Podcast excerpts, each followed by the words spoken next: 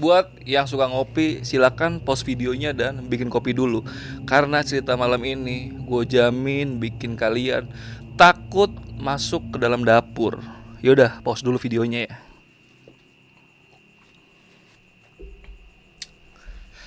Assalamualaikum warahmatullahi wabarakatuh. Selamat malam teman-teman. Balik lagi di Lentera Malam bareng gue Adit. Sekarang kita lagi ada di segmen cerita horor nih Seperti biasa. Kalau di segmen cerita horor Gue selalu bawain cerita-cerita yang menurut gue Itu menarik banget. Dan gue jamin cerita kali ini sangat menarik. Cerita malam ini tentang pocong lagi nih Yang ditulis oleh akun Twitter At Rianur Fajri. Nanti linknya gue taruh di deskripsi. Buat kalian yang lebih suka baca cerita dibanding dengerin gue cerita ya kan? Tapi tonton aja video ini karena serem juga pastinya. Ini adalah kisah nyata yang dialami oleh kakak ipar dari temannya penulis.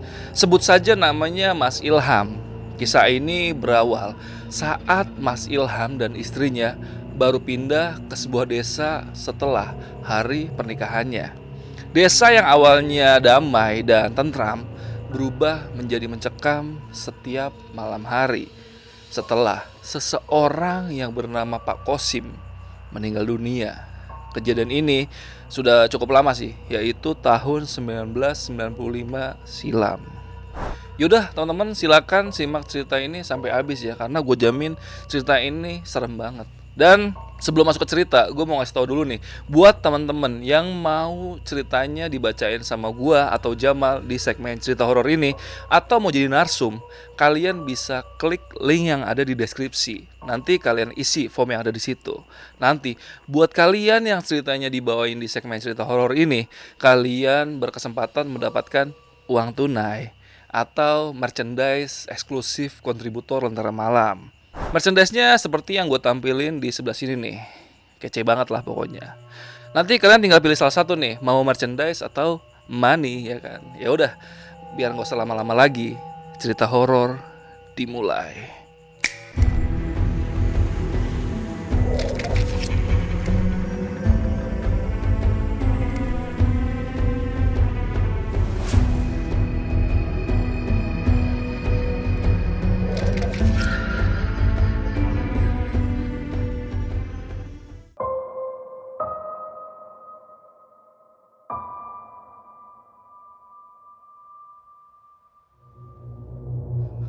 21 Januari 1995 Hari istimewa untuk Mas Ilham dan calon istrinya.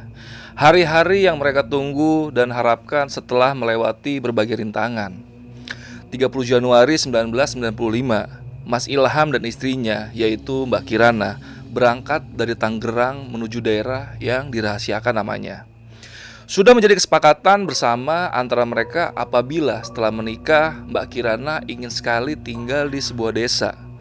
Rumah pun sudah mereka dapatkan sebelum hari pernikahannya. Karena Mas Ilham ini termasuk orang yang berkecukupan, jadi bukan hal yang sulit untuk dia beli rumah baru saat itu. Sebulan, dua bulan, tiga bulan, desa itu terasa tenang dan tentram. Sampai akhirnya tersiar kabar ada seseorang yang sangat tertutup meninggal dunia secara misterius.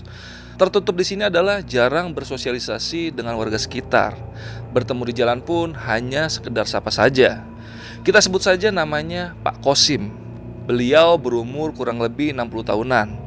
Gak banyak nih yang tahu tentang dia, tapi rumornya Pak Kosim ini mempunyai ilmu hitam. Padahal sampai saat ini gak ada bukti kuat yang membuktikan kalau Pak Kosim ini seperti itu. Mas Ilham pun bilang cukup sering bertemu dengan Pak Kosim di jalan dan sempat berbincang dengannya. Gak ada rasa curiga ke Bapak Kosim saat itu dan juga gak ada nih tanda-tanda Bapak Kosim itu punya ilmu hitam. Mas Ilham ini yang cukup kuat masalah agamanya, dia gak mau asal tuduh saja. Nah, Bapak Kosim ini meninggal sendiri di rumahnya. Istrinya sudah pergi dari rumah bersama anaknya setelah putusan pengadilan agama menyetujui perceraian mereka. Hanya hal itulah yang warga tahu. Mengapa Pak Kosim tinggal sendiri di rumahnya? Ada alasan kenapa warga curiga dengan Pak Kosim, yaitu satu, jarang keluar rumah. Dua, ada beberapa warga yang pernah melihat Pak Kosim mengintip keluar dari jendela rumahnya dengan tatapan yang sangat mengerikan. Dan saat meninggal dunia, banyak kejadian aneh yang ada di desa. Padahal, kata Mas Ilham, saat warga mengurus jenazahnya, tidak ditemukan benda-benda aneh di rumah Pak Kosim. Ya layaknya rumah yang lain, hanya perabotan rumah aja yang ada di dalamnya. Tapi entah kenapa, rumor itu tetap saja jadi omongan warga desa. Sore itu, saat warga sudah bersiap membawa jenazah Pak Kosim, langit mendung dan hembusan angin kencang sekali. Padahal, pada pagi hari cuaca cukup cerah, menjelang siang hingga sore langsung berubah. Mungkin memang sudah waktunya mau hujan, pikir Mas Ilham saat itu. Nah, karena warga kasihan dengan jenazah apabila berlama-lama tidak dikuburkan, warga akhirnya memaksa untuk tetap menguburkannya dengan kondisi yang cukup buruk. Dengan susah payah warga membawa keranda dan beberapa kali hampir jatuh. Kebetulan Mas Ilham ikut juga bawa keranda itu. Jarak rumah ke pemakaman gak terlalu jauh, mungkin sekitar 500 meteran lah. Warga di sana sudah biasa nih bawa kerandanya dengan cara digotong, nggak mau pakai mobil ambulan. Kata Mas Ilham ya mungkin karena jarak kuburannya itu nggak terlalu jauh dari desa. Nah, sesampainya di kuburan kembali terjadi kejadian yang aneh. Di sana sudah ada dua penjaga kuburan yang menunggu. Tapi pada saat warga datang dengan kerandanya, penjaga makam itu terlihat masih sibuk mencangkul kuburan untuk Pak Kosim. Warga yang melihat hal tersebut bertanya kenapa masih sibuk bongkar kuburan, padahal udah dari siang dikasih kabarnya. Oh ya, Pak Kosim ini ditemukan meninggal dunia oleh anaknya yang lagi mau ngejenguk dia sekitar jam 9 pagi tadi. Nah, kita lanjut lagi ke cerita ya. Penjaga makam bilang mereka udah bongkar dan udah siap tadi siang sebenarnya. Tapi sekitar jam 3-an pada saat angin kencang tadi, beberapa tanah yang sudah ada di atas itu jatuh ke dalam kuburan lagi. Dan hal itu terjadi berkali-kali. Akhirnya, keranda ditaruh dan warga mulai membantu membongkar tanah kuburan lagi. Nah, setelah dirasa cukup, singkat cerita jenazah dimasukkan ke dalam liang kubur. Syukurlah proses ini berjalan dengan lancar tanpa ada kendala apa pun. Namun namanya manusia, nggak asik kalau nggak julid. Kejadian angin kencang dan liang lahat yang sulit dibongkar jadi bahan omongan warga sekitar.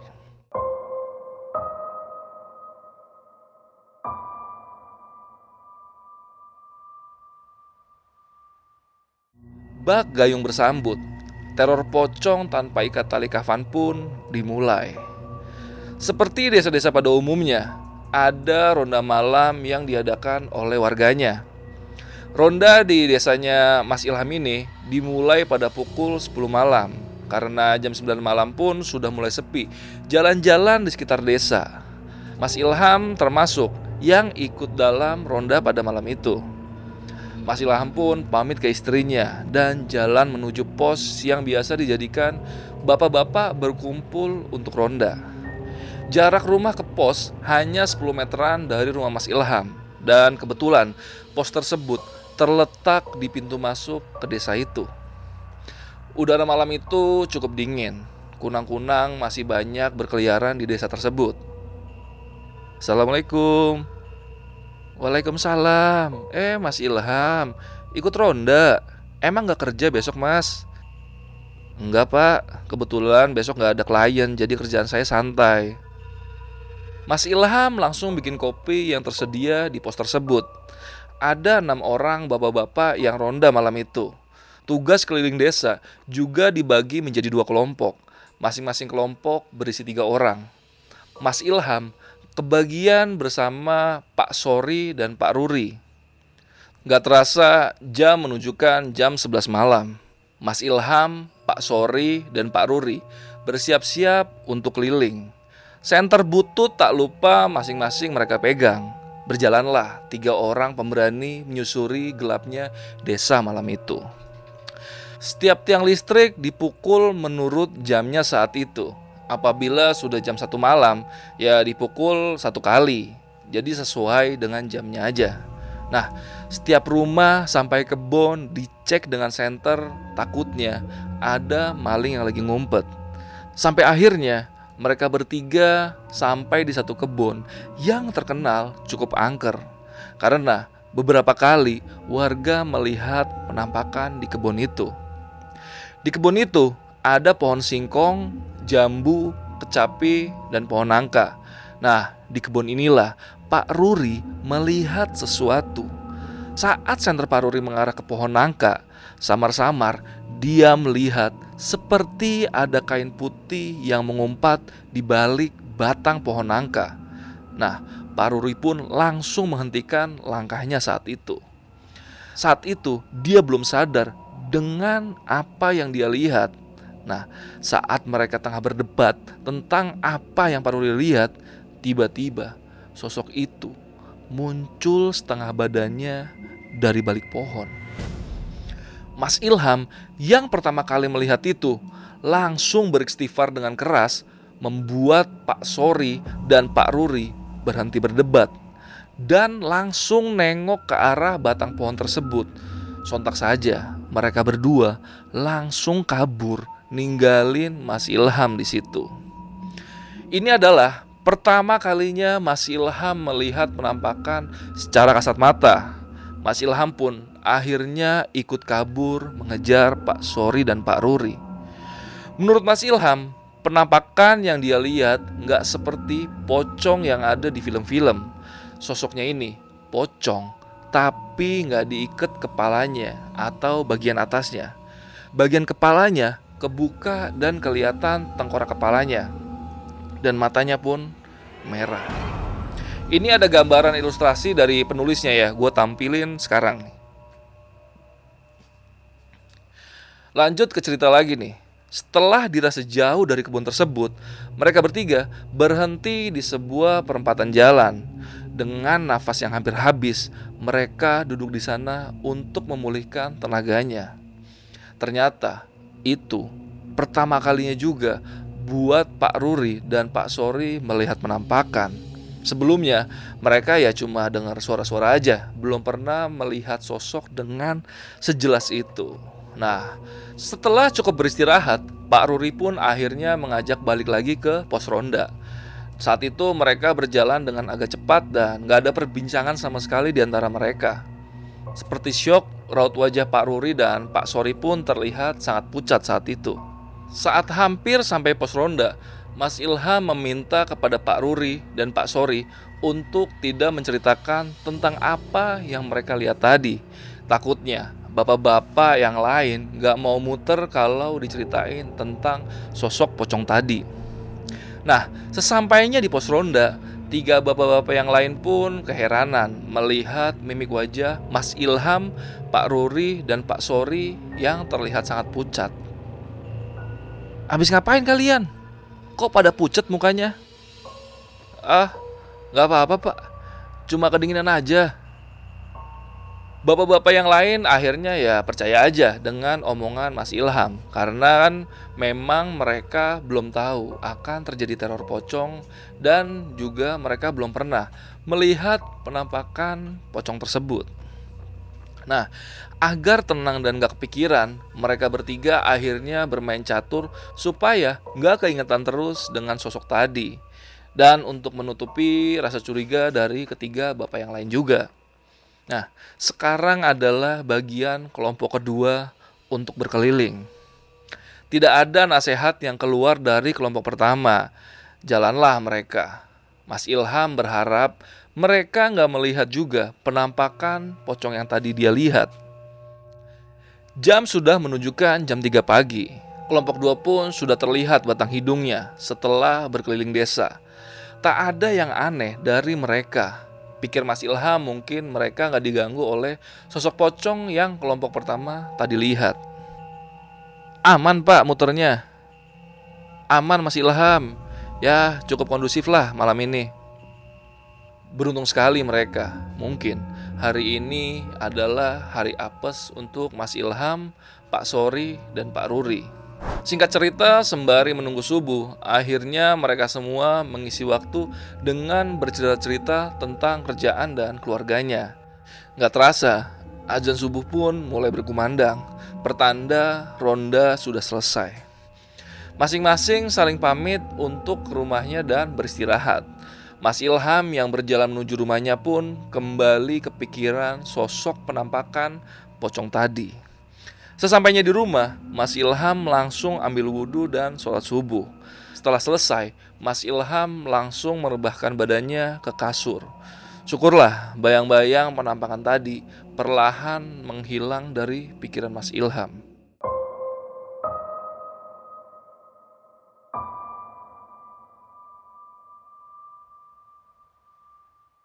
Hari-hari selanjutnya, Mas Ilham tidak ikut ronda karena banyaknya pekerjaan di kantornya.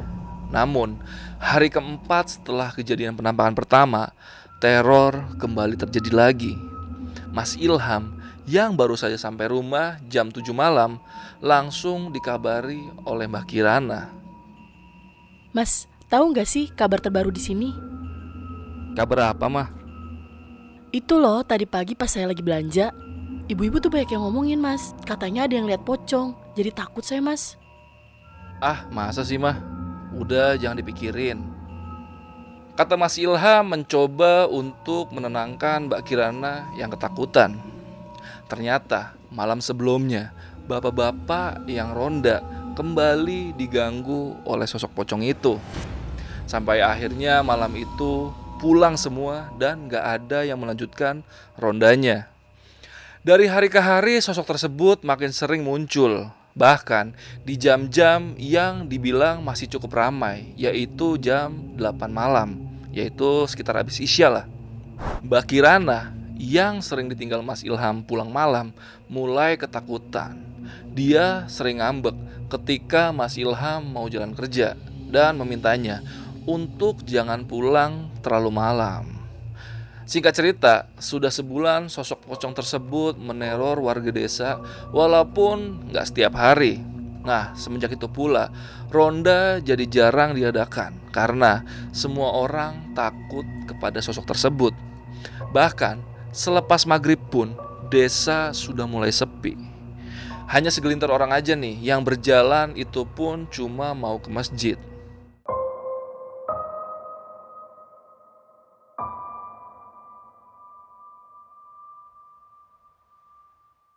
Memasuki bulan kedua dari teror, Mas Ilham sedang sibuk-sibuknya mengurus kerjaan dan memaksa dia untuk selalu pulang larut malam.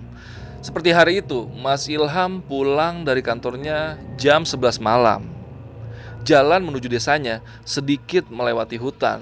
Namun untungnya gak pernah ada nih kejadian warga yang melihat penampakan di hutan tersebut. Nah, dengan motornya, Mas Ilham pun berjalan menuju pintu masuk desanya.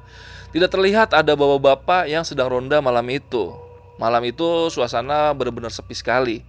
Mas Ilham yang menyusuri jalan dengan sendirian, dalam pikirannya pun udah mikir yang aneh-aneh nih. Tapi di situ dia segera bersikir agar bisa tenang. Nah, Mbak Kirana ini terbiasa nggak tidur sebelum Mas Ilham ini pulang dan selalu keluar rumah saat mulai terdengar suara motornya Mas Ilham. 100 meter sebelum sampai di rumahnya, Mas Ilham merasa motornya agak sedikit berat nih di bagian jok belakangnya.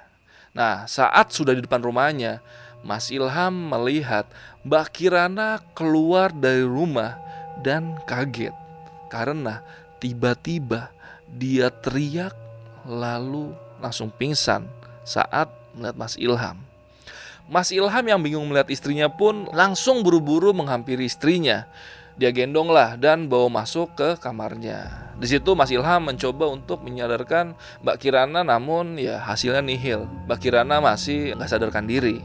Jadi untuk sementara Mas Ilham membiarkan Mbak Kirana ini tidur di kamar dan Mas Ilham pun bersih-bersih badannya di kamar mandi. Model kamar mandi rumahnya Mas Ilham itu pintunya terbuat dari kayu. Jadi kalau membuka pintu ataupun menutup pintu, terdengar denyit dari engsel pintunya. Saat Mas Ilham berjalan ke kamar mandi, dia mendengar suara pintu kamar mandinya seperti ada yang membuka dan menutupnya. Mas Ilham langsung menghentikan langkahnya dan kembali lagi. Terdengar suara pintu kamar mandinya digoyang-goyang lagi. Nah, karena penasaran, Mas Ilham perlahan mengintip dari balik tembok dan ternyata apa yang dia lihat sesuai dengan apa yang dipikirkannya. Sosok pocong sedang memainkan pintu kamar mandinya. Mas Ilham yang melihat hal itu sangat kaget luar biasa. Sosok itu membelakangi Mas Ilham yang terlihat hanya kain yang lusuh seperti bekas tanah dan tengkorak kepala belakangnya yang bolong. Mungkin sadar dengan kehadiran Mas Ilham, pocong tersebut langsung diam dan memutar balik badannya mengarah Mas Ilham. Lalu sosok tersebut tiba-tiba terbang ke atas plafon dan menghilang sambil tertawa terbahak-bahak. Mas Ilham yang masih terpaku, dia nggak bisa apa-apa. Badannya makin gemeter saat itu dan juga berkeringat. Dia coba baca-baca doa dalam hati dan syukur saja nih langsung bisa bergerak lagi badannya. Tanpa pikir panjang, dia langsung balik lagi ke kamarnya dan tidur bersama istrinya.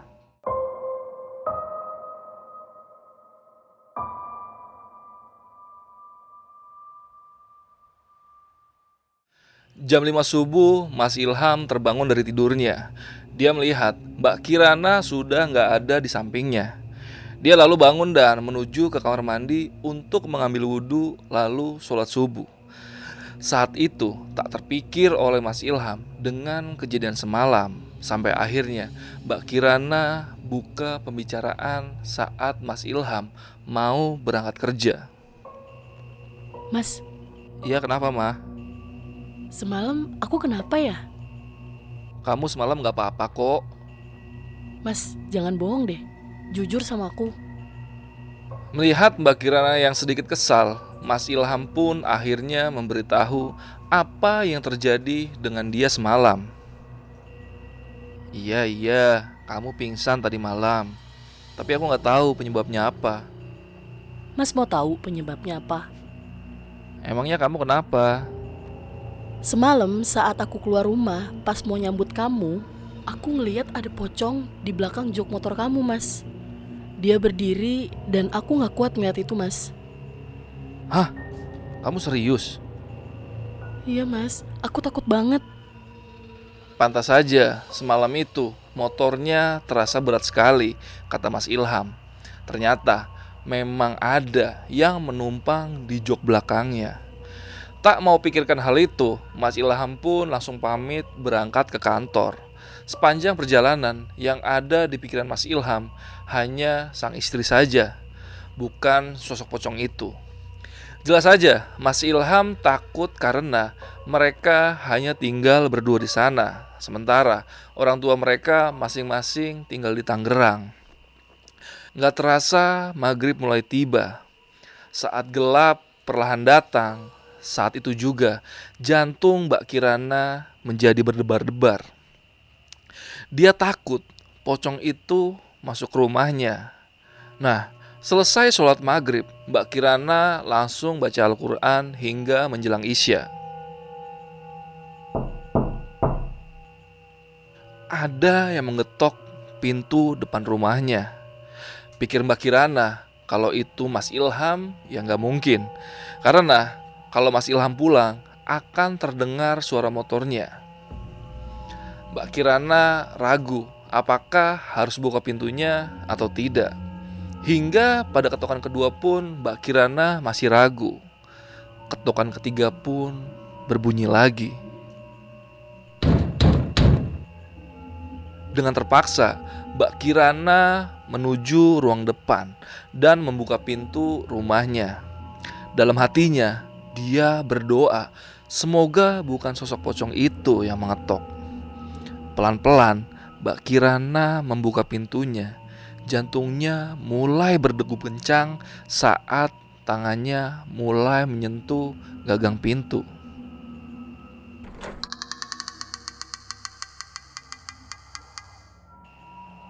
Di saat pintu mulai terbuka, Mbak Kirana mencium bau yang tidak sedap.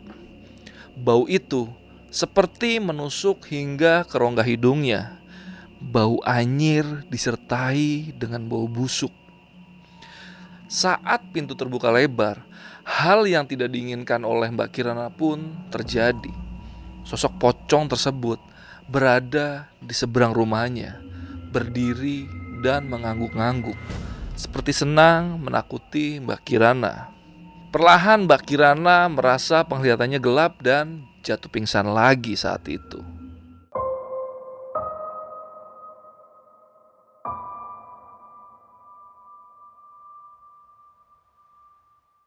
Jam sudah menunjukkan jam 12 malam lebih. Mas Ilham masih berada di perjalanan untuk menuju ke rumahnya. Entah kenapa, dia mempunyai perasaan yang tidak enak, seperti ingin cepat sampai ke rumahnya. Pikirannya selalu terbayang wajah istrinya, seperti ada sesuatu yang tidak beres terjadi kepada sang istri.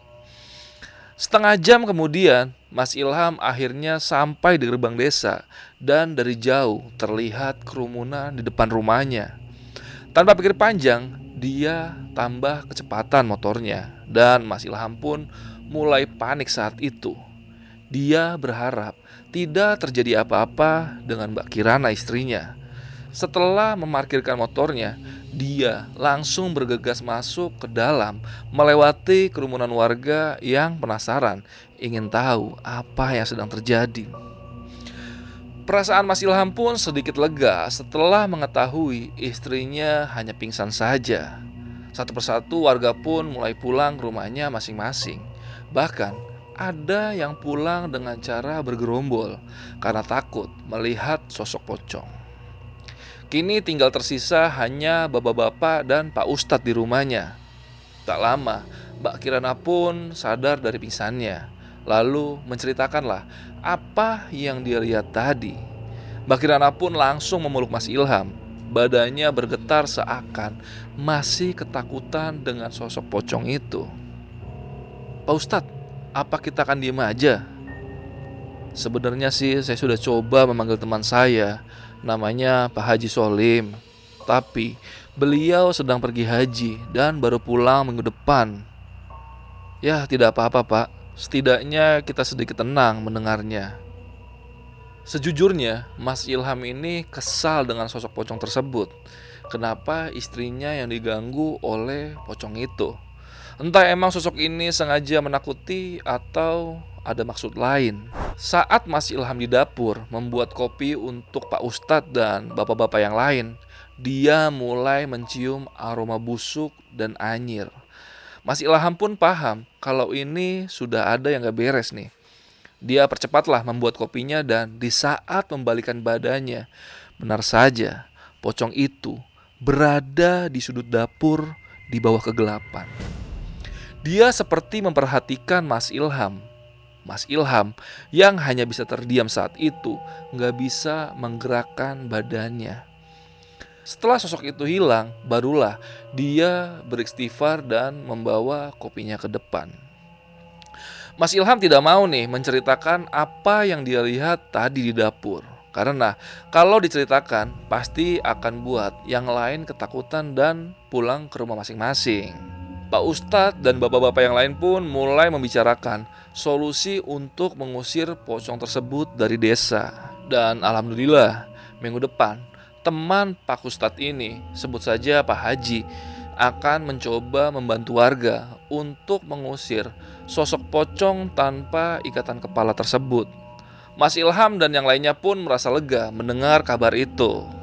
Dan malam semakin larut, pembicaraan makin meluas dan sudah berganti topik, tidak lagi membahas pocong tersebut. Hingga akhirnya satu persatu bapak-bapak pun pulang pamit pulang ke rumah mereka.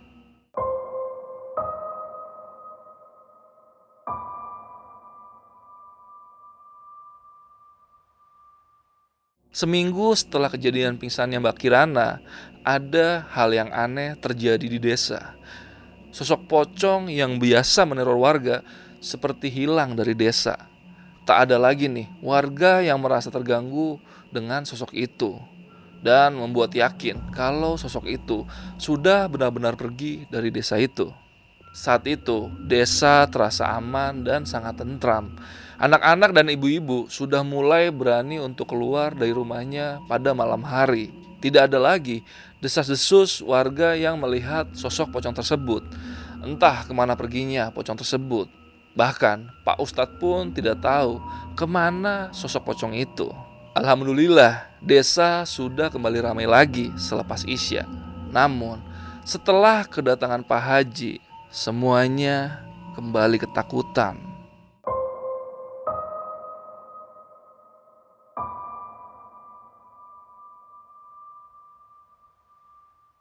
Tiba akhirnya hari di mana Pak Haji datang berkunjung ke desa tersebut untuk memenuhi undangan Pak Ustadz. Banyak warga yang tidak tahu dengan kedatangan beliau karena memang niatnya ingin mengusir secara diam-diam dan hanya segelintir orang aja yang tahu termasuk Mas Ilham. Terlalu beresiko kalau banyak yang tahu, pasti akan banyak nih yang ingin menonton ucap Pak Haji. Hari ini Pak Haji memantau keadaan saja dan memetakan lokasi-lokasi yang memungkinkan pocong tersebut bermukim. Setelah berhasil memetakan, Pak Haji pun izin pamit pulang untuk menyiapkan segala sesuatu untuk esok harinya. Menurut Pak Haji, sosok ini cukup kuat. Sosok ini juga punya beberapa anak buah yang menjaganya. Sebelum pamit, Pak Haji mengucapkan sebuah pesan yang bisa dibilang cukup mengagetkan. Ini bukan sosok yang sudah lama di desa ini, tapi ini kiriman dari seseorang. Ujar Pak Haji. Selepas Pak Haji pulang, Pak Ustadz dan beberapa bapak-bapak yang hadir tetap di tempat untuk membicarakan masalah ini. Usut punya usut, ada hal yang Mas Ilham tidak tahu selama ini. Sebuah perusahaan besar ingin membangun pabrik di sekitar desa ini, namun ditolak oleh warga. Diam-diam, perusahaan tersebut seperti tidak terima atas penolakan warga. Namun ini baru perkiraan sementara warga aja ya, karena kan hal gaib itu sulit untuk dijadikan bukti dalam kejahatan. Tapi mendengar pesan Pak Haji membuat bapak-bapak berpikir bahwa perusahaan itulah biangnya yang mengirim sosok pocong tersebut untuk menakut-nakuti warga agar pindah dari desa itu. Kita tunggu aja penjelasan dari Pak Haji esok hari ya bapak-bapak. Ujar Pak RT. Setelah sepakat untuk menunggu esok hari, semuanya pun pamit pulang ke rumah masing-masing. Sebagian bapak-bapak terlihat marah mendengar pesan Pak Haji tadi, walaupun belum pasti perusahaan itu pelakunya. Namun tetap saja mereka tetap geram kepada perusahaan itu. Hari yang ditunggu-tunggu pun tiba. Mas Ilham langsung menuju ke rumah Pak Ustadz. Dan sesampainya di sana, ternyata sudah ada beberapa bapak-bapak yang sudah hadir. Jelas saja, mereka semua penasaran, ingin tahu siapa pelakunya. Tak lama, Pak Haji pun datang. Dia datang bersama seseorang yang terlihat cukup muda. Ternyata dia adalah orang yang tubuhnya akan dijadikan media komunikasi dengan sosok pocong tersebut. Gelap perlahan datang, seakan menyambut kedatangan sosok pocong tersebut. Banyak warga yang keluar rumahnya untuk bermain selepas Isya. Mereka nggak tahu bahwa di tempat lain ada yang sedang berusaha membuat desa itu kembali damai. Sebuah ruang yang berukuran sedang sudah dipersiapkan oleh Pak Ustadz. Anak muda yang dijadikan media komunikasi pun sudah duduk di antara bapak-bapak dan Pak Haji Nggak butuh waktu lama nih untuk Pak Haji mendatangkan pocong tersebut. Tanda-tanda pocong itu datang adalah adanya angin yang cukup kencang dari luar. Perlahan, tangan pemuda itu menekuk di perutnya. Matanya melotot dan tanpa berkedip sedikit pun.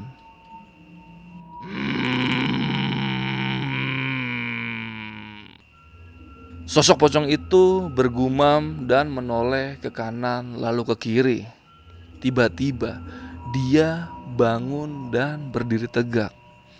Melihat hal itu, Pak Haji meminta bapak-bapak yang lain untuk menjaganya agar tidak kabur. Dan dengan sigap, yang lain ikut berdiri juga. Mas Ilham pun sudah mulai merasakan bulu kuduknya ini merinding. Begitupun dengan bapak-bapak yang lain. Assalamualaikum, ucap Pak Haji ke sosok itu. Tapi ternyata nggak dijawab olehnya. Pertanda, ini adalah sosok jin kafir. Dari auranya pun sangat kuat dan negatif. Ini pertanda bukanlah sosok yang sembarangan. Siapa nama kamu? Kembali, sosok itu tidak menjawab pertanyaan Pak Haji. Sepertinya Pak Haji harus bermain agak keras nih agar sosok ini bisa bekerja sama untuk menjawab pertanyaan yang diajukan. Pak Haji pun lalu membaca doa di dalam hatinya. Dan tiba-tiba sosok itu seperti bergelinjang kesakitan dan berteriak cukup keras.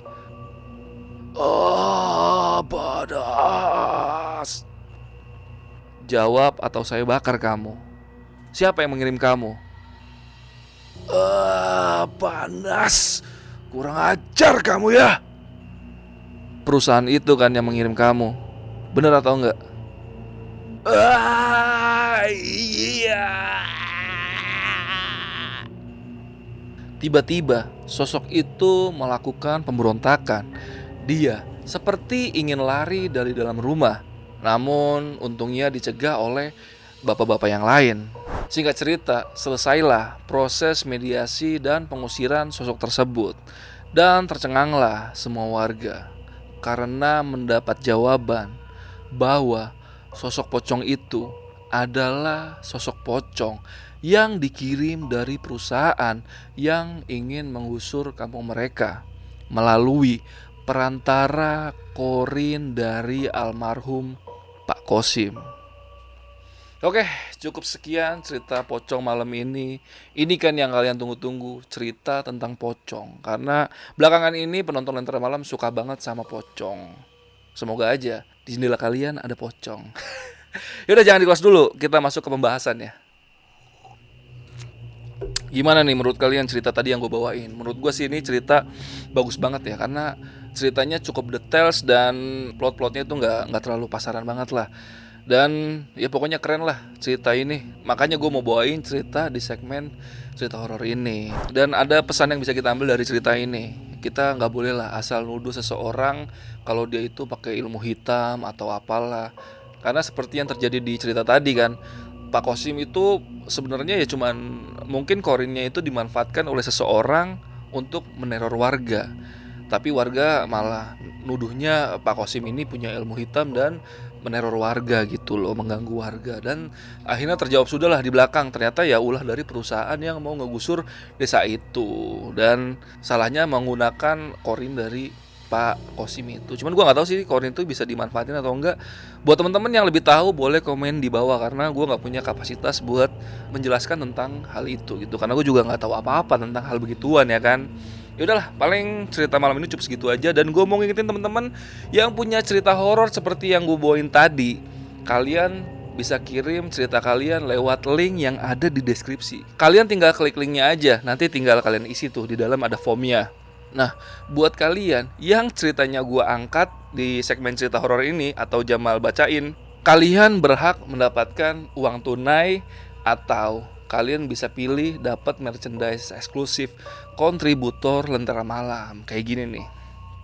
Kalian pilih salah satu nih, mau duit atau merchandise kontributor Lentera Malam. Pilih aja salah satu ya kan. Yaudah, paling video malam ini cukup segitu aja. Gua Adit dari Lentera Malam.